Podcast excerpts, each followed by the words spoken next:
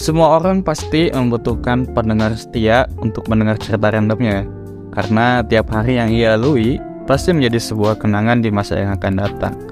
Memang gak semua yang dialami itu harus diceritakan juga, tapi aku yakin akan ada satu titik di mana seseorang itu, seseorang akan butuh bercerita tanpa perlu respon apa pun. Ya, itu yang saat ini sedang aku alami sih.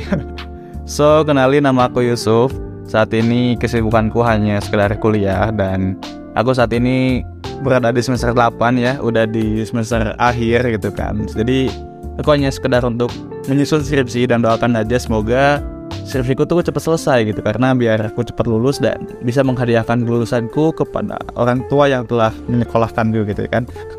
Dan aku kuliah saat ini di Jogja, salah satu PTN di Jogja ya mungkin nanti akan aku ceritakan kenapa aku memilih Jogja karena aku bukan asli Jogja aku aslinya dari Bandung yang saat ini berkuliah di Jogja gitu. Jadi banyak banget lah cerita-cerita yang aku alami ketika aku memilih Jogja dan kehidupan-kehidupan di Jogja gitu.